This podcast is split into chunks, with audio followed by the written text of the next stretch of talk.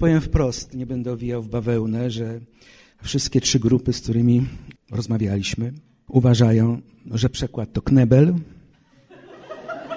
tłumacze to szkodniki i zgodnie stwierdziliśmy, że musimy powołać Stowarzyszenie Przeciwko Tłumaczom Literatury. Jest nam bardzo potrzebne, żeby nasza literatura żyła.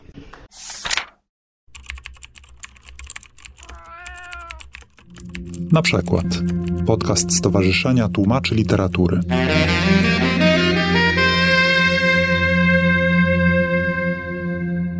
Nazywam się Dorota Konowrocka-Sawa, jestem jedną z koordynatorek tego cudownego dnia. Jestem tłumaczką z języka angielskiego. Jeżeli coś Wam się nie będzie tutaj podobało, to należy mieć o to pretensje do mnie właśnie. Za moimi plecami pod murem stoją nasi moderatorzy. W pierwszej kolejności e, przedstawiam profesora Jerzego Jarniewicza, który stoi, może bez prof, bo widzę, że już się tak strasznie skrzywił. Dobrze, bez profesora, po prostu. Jerzego Jarniewicza, tłumacz, wykładowca, poeta, krytyk. Będziemy rozmawiać o tym, czy przekłady kneblują rodzimą literaturę, czy przeciwnie, czy ją zasilają, inspirują i pobudzają do życia. Drugą osobą jest Magdalena Kowalska, tłumaczka z francuskiego, nauczycielka języka polskiego w liceum liceum ogólnokształcącym imienia Jacka Kuronia w Warszawie, która będzie się zastanawiać ze swoim stołem, czy potrzebujemy nowych, współczesnych, zrozumiałych przekładów wielkiej literatury dla młodych czytelników. Obok niej stoi Łukasz Urbaniak, redaktor i wydawca, właściciel wydawnictwa Oficyna, z którym razem będziemy się zastanawiać, czy współczesnym przekładom brakuje urody, a może zwykłej poprawności, czy kiedyś to były przekłady, a teraz to już nie ma przekładów, czy może jest jakoś inaczej. I czy potrzebujemy nowych przekładów, a oficyna na pewno ma na ten temat bardzo wyrobione zdanie, bo dzięki niej mamy różne nowe przekłady książek z kanonu literatury. Obok stoi pan Mateusz Adamczyk, który bardzo podkreślał, żebym nie nazwała go językoznawcą, bo jeszcze nie jest językoznawcą, ale już za chwilę będzie językoznawcą. Jest popularyzatorem wiedzy o polszczyźnie, znawcą semantyki i kultury języka i razem z nim będziemy się zastanawiać nad tym, czy kalki i zapożyczenia nas zjedzą i czy zniszczą polszczyznę, czy może jednak nie. Dalej stoi pani Paulina Ciucka, tłumaczka z litewskiego i dziennikarka, z którą będziemy się zastanawiać, czy jest sens tłumaczyć z małych języków kultur, o których bardzo niewiele wiemy, czy może to jest tylko przelotne spotkanie z czymś, czego i tak nie zrozumiemy, taka szczypta egzotyki, czy może jednak nie. Dalej stoi pan Maciej Mentrak, tłumacz czeskiego, specjalista od małych języków i etnolingwistyki, z którym będziemy się zastanawiać, czy mamy opłakiwać wymieranie małych języków i czy tracimy czy wszyscy tracimy i co tracimy, kiedy giną małe języki, a małe języki giną. Dalej stoi pan Marcin Miłkowski, filozof i kognitywista, pracujący w Instytucie Filozofii i Socjologii PANU, tłumacz, autor słowników i z nim będziemy się zastanawiać nad tym, czy nas Google Translate zje, czy nie. A co więcej, wydaje się, że pan Marcin Miłkowski wie, że on już nas zjada i my tego nie wiemy nawet tak dobrze, jak wie to on. Dalej stoi pan Aleksander Szojda-Pallado, tłumacz konferencyjny, poliglota, z którym będziemy się zastanawiać nad tym, czy myślimy różnie w różnych językach. A na końcu stoi pani Marta Rakoczy, kulturoznawczyni i filozofka, z którą będziemy się zastanawiać nad tym, czy przekład to tylko przekład języków, czy jest to również przekład kultur chciałam serdecznie zaprosić na podsumowanie tych ostatnich trzech godzin. Kilka zdań takiego podsumowania, jakichś najciekawszych wątków. Co się wydarzyło takiego ciekawego przy tym stole? Jakie były refleksje, które może nie przyszliście z nimi tutaj, ale właśnie z nimi wychodzicie? Witam Państwa jeszcze raz serdecznie. Nazywam się Marta Rakocz, jestem kulturoznawczynią z Instytutu Kultury Polskiej. Z przykładami praktycznie miałam styczność jedynie incydentalną. Z moimi rozmówcami, rozmówczyniami dyskutowaliśmy o kwestii tego, czym jest przekład językowy i w jaki sposób jest de facto, czy może być przykładem kulturowym, czy dialogiem międzykulturowym, w jaki sposób ten dialog międzykulturowy może realnie oddziaływać na pracę tłumacza. Moi rozmówcy, rozmówczynie przywoływali fascynujące doświadczenia zawodowe związane z tłumaczeniami z bardzo różnych języków i bardzo różnych kontekstach. Zarówno chodziło o przekłady konferencyjne, przekłady filmowe, literatury i to zarówno literatury popularnej, jak i literatury pięknej. Szczerze powiedziawszy, w każdym zespole dyskutowaliśmy na temat zupełnie innego spektrum zagadnień związanych z pracą tłumacza, więc trudno mi chyba za pomocą kilku jakichś prostych, czytelnych konkluzji to podsumować, ale pozwolę sobie może dwie czy trzy takie rzeczy powiedzieć.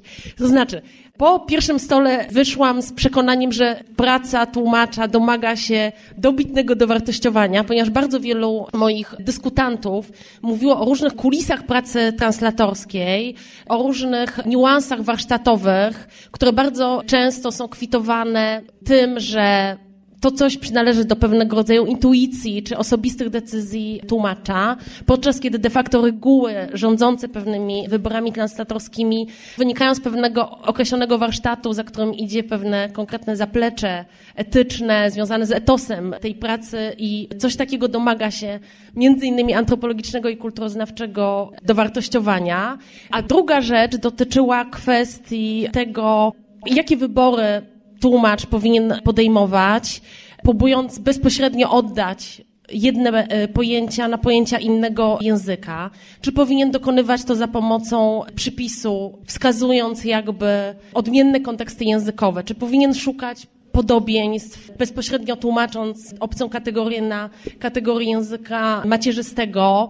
Czy powinien raczej iść drogą wskazywania podobieństw, czy raczej powinien wyławiać różnice międzykulturowe i uwrażliwiać swoich czytelników na to, że te różnice są. Takie mniej więcej było spektrum zagadnień, którymi się zajmowaliśmy, a teraz przekażę głos kolejnemu moderatorowi. Olek Szojda-Pallado, to ja. E, numer 8. Na liście numer 1, bo innej nie ma. Podsumowanie to będzie ułomne, dlatego od razu przepraszam, bo niemożliwością jest podsumowanie wszystkiego, o czym rozmawialiśmy w kilku zdaniach. Myślę, że jedna z ciekawszych konkluzji, do których dotarliśmy, zadając sobie pytanie o to, czy myślimy inaczej w innych językach, to to, że być może w ogóle nie powinniśmy rozmawiać o tym w ten sposób. I że to pytanie jest źle postawione, bo my nie myślimy w języku. W każdym razie nie wszyscy. Ale mając na uwadze, że zarówno ja, jak i wielu moich rozmówców czuje się nieprzygotowanych do toczenia dyskusji na takim poziomie abstrakcji, z braku innego słowa, na jakim byśmy chcieli rozmawiać, to na przyszłą edycję tegoż wydarzenia prosimy, żeby zaprosić Noama Chomskiego. Jeżeli może przyjechać i tak krążyć między stołami i powyjaśniać niektóre nasze fałszywe założenia, być może to dyskusje poszłyby znacznie szybciej. W każdym razie podczas pierwszej edycji, czy pierwszej tury, padło takie zdanie, że język to klucz i że nauka kolejnych języków staje się powielaniem jednego schematu. Wydaje mi się to bardzo ciekawe, że schemat nabycia, schemat y, opanowania jednego kodu narzuca się pozostałym i nie pozostaje być może bez wpływu na ich kształt i na kształt ich użycia w przyszłości. Przeszliśmy też przez cały szereg pojęć od dwujęzyczności wśród dzieci do problemu dualizmu cielesności i duchowości. E, zadając sobie na koniec, na koniec e, tury pytanie, a co z procesami w głowie? Ale wydaje mi się bardzo istotnym problem, oczywiście jeden z wielu, bo było ich znacznie więcej, mocy sprawczej, które oferują różne kody językowe. Padł taki bardzo ciekawy przykład, bardzo prosty jednocześnie, tego w jaki sposób przedstawiamy się w różnych językach europejskich. Czasami są to formy zwrotne, czasami są to formy zgoła bezosobowe, Czasami są to formy niejako uległe, czy demonstrujące pewną uległość. Nazywają mnie tak i tak, ja nie mam z tym nic wspólnego. Czasami nazywam się w dany sposób, a czasami moje imię brzmi tak i tak, nie wiadomo skąd ono się wzięło. Więc problem władzy, problem tego, do kogo ona należy i w jaki sposób jest wykonywana, również zawiera się w języku.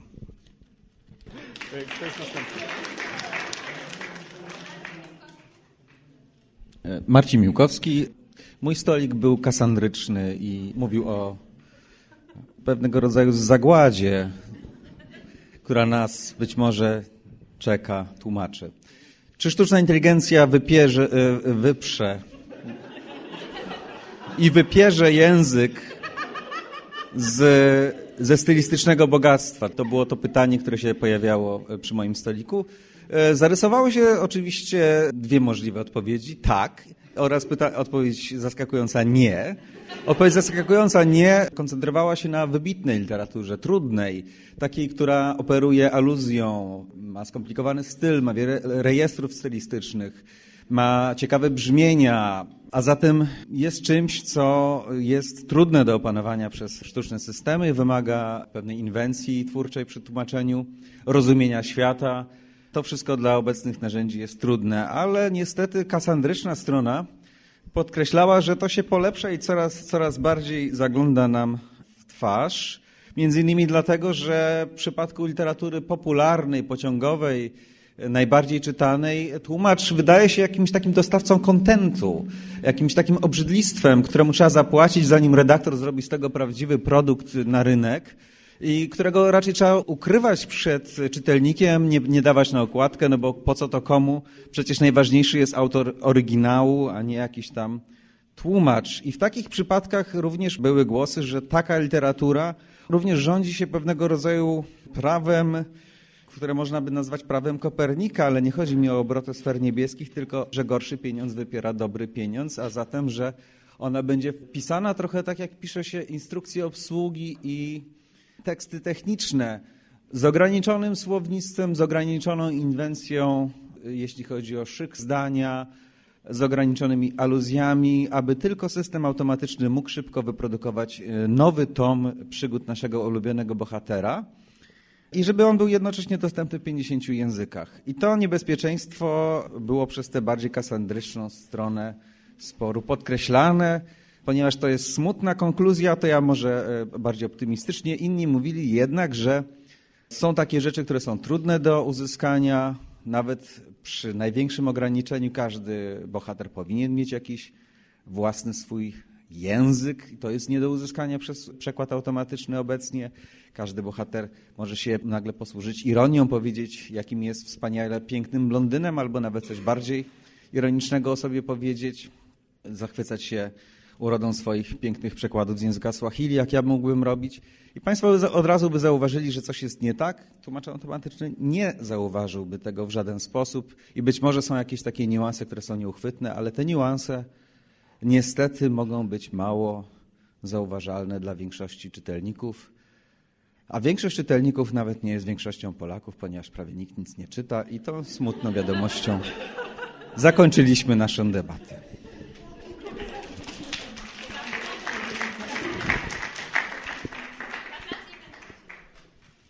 Maciej Mętrek, nasz stolik poświęcony był tematyce mniejszości językowych i języków ginących. I jakby może jeszcze, żeby zarysować ten temat, bo, bo, bo wydaje mi się, że jestem najmniej przekładoznawczy, chociaż, chociaż kwestia przekładu i takiej sprawczości czy roli kulturotwórczej przykładu gdzieś tam też nam się przewinęła. Założeniem tego stolika było, było, było odpowiedź na pytanie, czy warto jest reanimować, czy podtrzymywać przy życiu języki, które giną, a języki giną, ponieważ z tych ponad 7 tysięcy, o których się mówi, że jest na świecie w tej chwili, połową posługuje się zaledwie tam 0,2% ludzkości. Ale zwykle właśnie mówimy o językach bardziej egzotycznych, wyciągamy jakieś takie przykłady, które uzasadniają ratowanie języków, wyciągamy przykłady egzotyczne, przykłady takie właśnie sapirowsko-worfowskie, jakiejś ciekawostek, a przy naszych stolikach, ponieważ tutaj jakby państwo, państwo raczej przynieśli kontekst europejski, można było się zastanowić nad tym, czy zawsze taka ta donkiszoteria i, i stawanie w obronie małych i słabych języków jest warte zachodu, jeżeli te języki nie są aż tak ciekawe, aż tak e, odróżniające się od innych, więc to, to jakby było jedno z, jeden z wątków, który gdzieś tam się przewijał. Drugi z wątków, tak jak powiedziałem, to jest ta kwestia sprawczości przekładu, czyli tego, że małe języki, ponieważ zwykle nie wytwarzają dużej literatury, po prostu nie mają tego potencjału liczebnego, to też na te małe języki są przekładane. Dzieła literatury światowej i tutaj trochę rozmawialiśmy właśnie o przekładach i na języki oficjalnie uznawane i na przekładach gwarowych i o tym całym bogactwie języka, które jest gdzieś tam ukryte w tych jego mniej, powiedzmy, popularnych, mniej prestiżowych normach. No i trzecia rzecz, która wydaje mi się w tym kontekście polskim też była ciekawa, to była dyskusja w ogóle o tym, jak właśnie różnorodność językowa gdzieś ginie, nawet już pomijając te łatki, właśnie język, gwara, dialekt i tak dalej, jak ta różnorodność językowa w ciągu ostatnich no, kilkudziesięciu lat właściwie również, również w przykładzie polskim jest, jest coraz bardziej ograniczana i coraz trudniej, powiedzmy, jest usłyszeć lokalne jakieś formy, jednak ta polszczyzna ogólna dominuje. Dziękuję.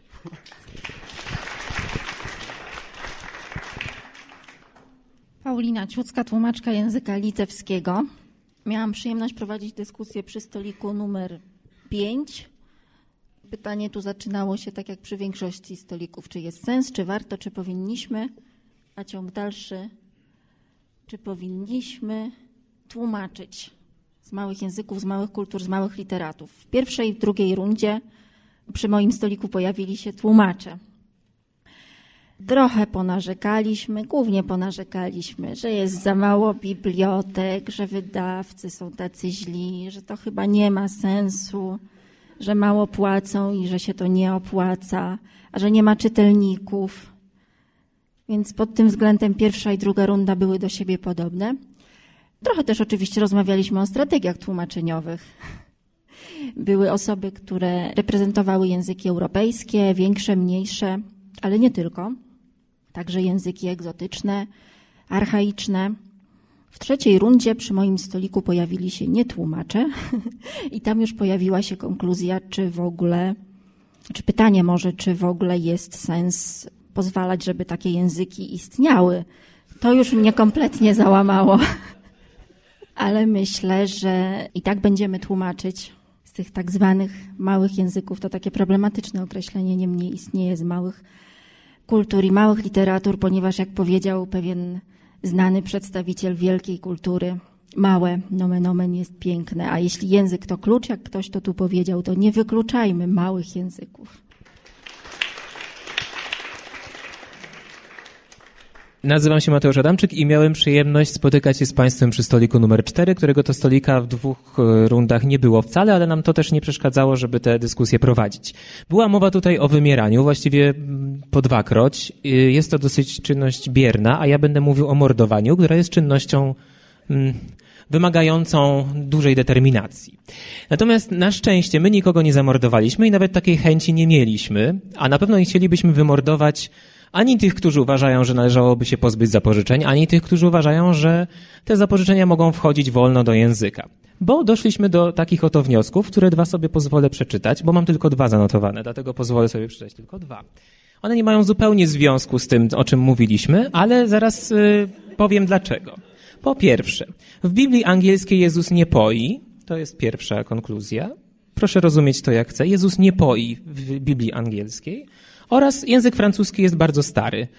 E, takie to płodne myśli z siebie wydaliśmy podczas tych rozmów, ale żeby nie było tak, że wyjdą Państwo stąd z wrażeniem, że rozmawialiśmy wyłącznie o Jezusie i o języku francuskim i to jeszcze w takich kontekstach, które dalekie są jednak od zapożyczeń, to, co mnie bardzo ucieszyło, to wszyscy jak jeden mąż staliśmy na stanowisku takim oto, że to dobrze, że w języku są zapożyczenia, niedobrze, jeżeli przyjmujemy je bezkrytycznie, bo coś nam zastępują i coś nam odbierają, a jeżeli one do języka przychodzą, to świadczy też o tym, że ten język się z kimś kontaktuje. No a język jest po to, żeby się kontaktować. I tym oto właśnie zdaniem zakończę. Mój kontakt z Państwem na teraz. I teraz kto? Łukasz Urbaniak. Państwo pozwolą, ja przeczytam, jaki był nasz temat. Czy współczesnym tłumaczeniom brakuje urody i stylu, a nawet zwykłej poprawności? Musiałem to zrobić, ponieważ zgodnie z, ze znanym Państwu powiedzeniem, my właściwie ten temat nieustająco zdradzaliśmy. Więc dziękuję wszystkim współtowarzyszom zdrady. Bardzo Państwu dziękuję za, za świetne rozmowy. I nie doszliśmy do żadnych wniosków. Przepraszam. To było właściwie niemożliwe. Za to przy każdej kolejnej turze była zupełnie inna temperatura i pewna dykcja.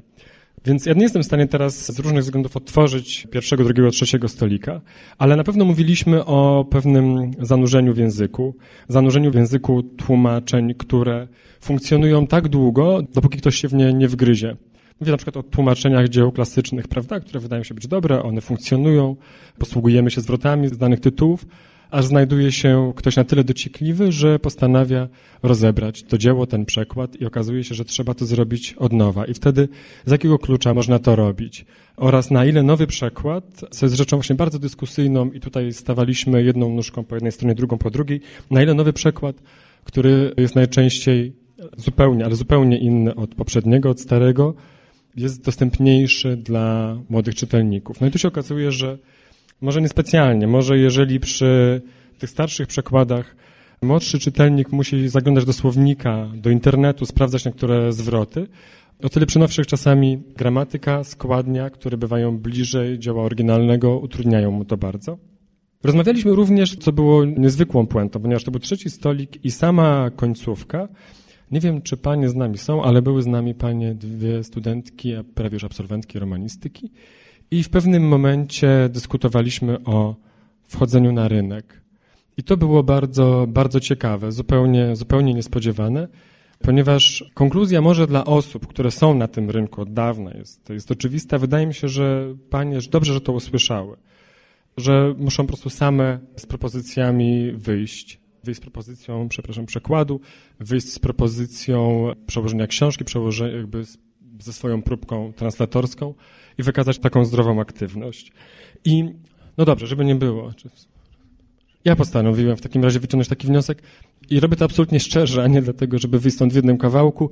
Nie, nie brakuje. Mało tego, są lepsze od tych starych. O, dziękuję.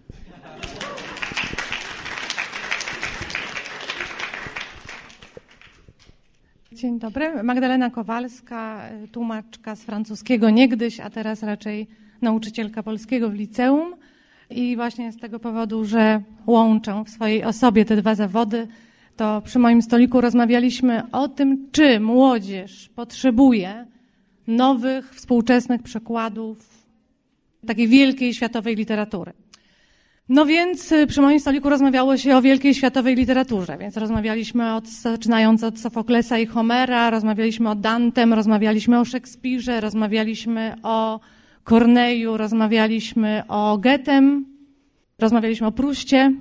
Jesteśmy chyba w takim momencie, w którym w ostatnich latach bardzo wiele nowych przekładów pojawiło się w księgarniach i w związku z tym mamy do wyboru tłumaczenia współczesne i tłumaczenia dawne. Mamy też czasami do wyboru kilka tłumaczeń współczesnych. Pytanie, co wybieramy i co być może należy wybierać, kiedy pracuje się z młodzieżą. No ale są też czasami, i o tym też była mowa kilkakrotnie, są też takie dzieła, gdzie nam brakuje na przykład nowych przekładów i gdzie mamy potrzebę, że powinny one być, a jeszcze ich nie ma i na nie czekamy.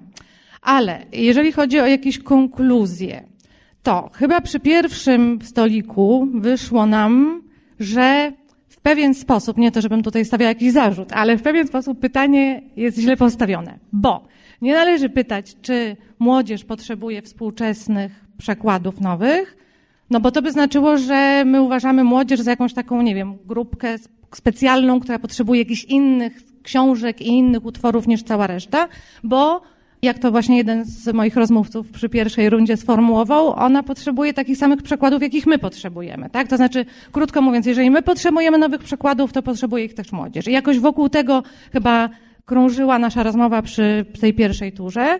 W drugiej z kolei jednak zaczęliśmy rozmawiać o tym, że, bo ja też jakby przedstawiłam ten wniosek z pierwszej tury, no że rzeczywiście tak jest, ale może jednak są pewne walory przekładu, które są szczególnie istotne, kiedy pracuje się z młodzieżą.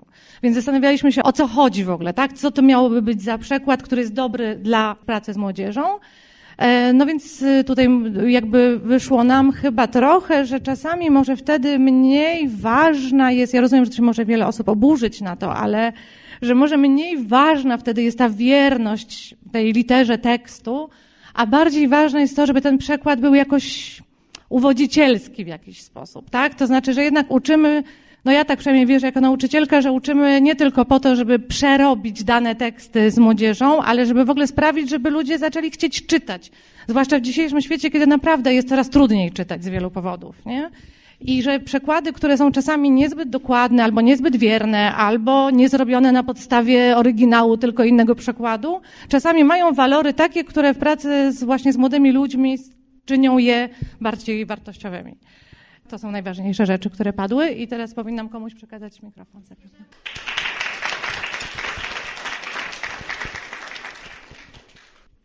Temat, którym się zajmowaliśmy, brzmi tak.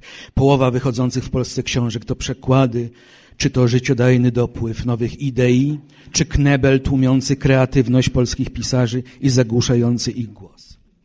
Więc powiem wprost, nie będę owijał w bawełnę, że wszystkie trzy grupy, z którymi rozmawialiśmy, uważają, że przekład to knebel, tłumacze to szkodniki, i zgodnie stwierdziliśmy, że musimy powołać Stowarzyszenie Przeciwko Tłumaczom Literatury. Jest nam bardzo potrzebne, żeby nasza literatura żyła. E, Dziękuję za poparcie. E, przez aklamację, tak. Mhm. Natomiast przyjrzeliśmy się temu tematowi i to, co nas zainteresowało w tym temacie, jak Państwo widzą, dość e, no, problematycznym, zainteresowały nas założenia. Założenie pierwsze, że przekład jest czymś osobnym, niezależnym od literatury polskiej. I drugie założenie, że tłumacz jest kimś z założenia innym od pisarza. Wszystkie trzy grupy kontestują te założenia. Tak? Przekład jest częścią literatury języka docelowego, na który tłumaczymy.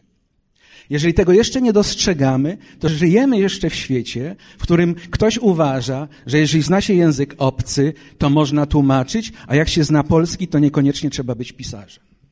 Te dwa założenia, sądzę, prowadzą nas także do zanegowania następnych, niewypowiedzianych wprost założeń, że literatura pisana w języku polskim jest zdominowana przez literaturę w przekładzie. Tej literatury w przekładzie jest około 60%, tak? 60% tytułów ponoć to są przekłady. Ale jeżeli się przyjrzeć bestsellerom ostatnich lat, to to wcale nie są bestsellery typu 50 twarzy Greya.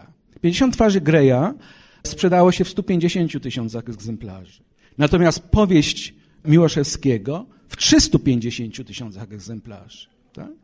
Więc to, że przekład stanowi tak duży procent książek publikowanych w Polsce, nie znaczy, że książki powstające w języku polskim są w jakiś sposób przez ten przekład, przez tę nadobecność, jak niektórzy tutaj mówili, niedostrzegane, niedoceniane.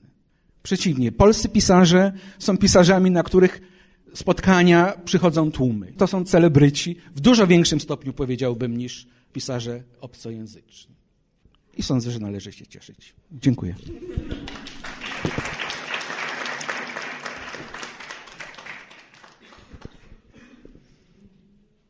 Serce mi rośnie, że jesteście tu wszyscy i że przyszliście i że rozmawialiście przez te wszystkie godziny. I patrzyłam na Was, jak zbieracie się przy tych stołach, jak wychodzicie na trawę, żeby pogadać razem.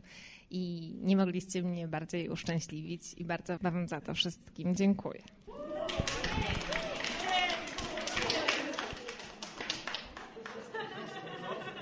Wysłuchali Państwo na przykład podcastu Stowarzyszenia Tłumaczy Literatury.